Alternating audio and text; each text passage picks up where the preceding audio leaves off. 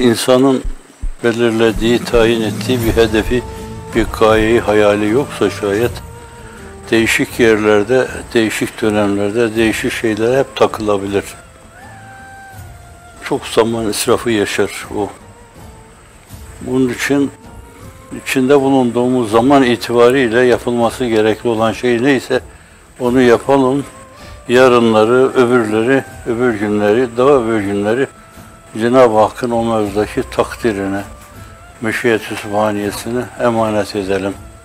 Bir şey ona emanet edilince zayi olmaz. Antiparantez, ben günümüzde bu kardeşlerimi, onların hizmetlerini, dünyanın değişik yerlerinde olan arkadaşlarımızı Allah'ım diyorum bunları ver.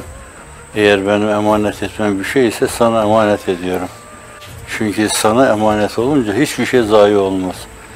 Cenab-ı Hak kendi yolunda olanları yüzüstü bırakmaz. Efendim emanet onun nezdinde zayi olmaz. Evet biz de onun her şeyimizi ona emanet ederek doğru bildiğimiz yolda yürürüz. Karşı tarafın şiddeti, hiddeti, hırçınlığı, huşuneti bence endişelendirmemeli. Bir kere kazanabileceğimiz bir yolda yürüyoruz.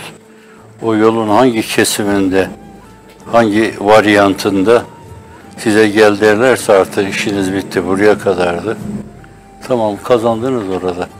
Firdevs'i kazandınız demektir Allah'ın izni inayetiyle. Ondan başka da bir mülazamız yok.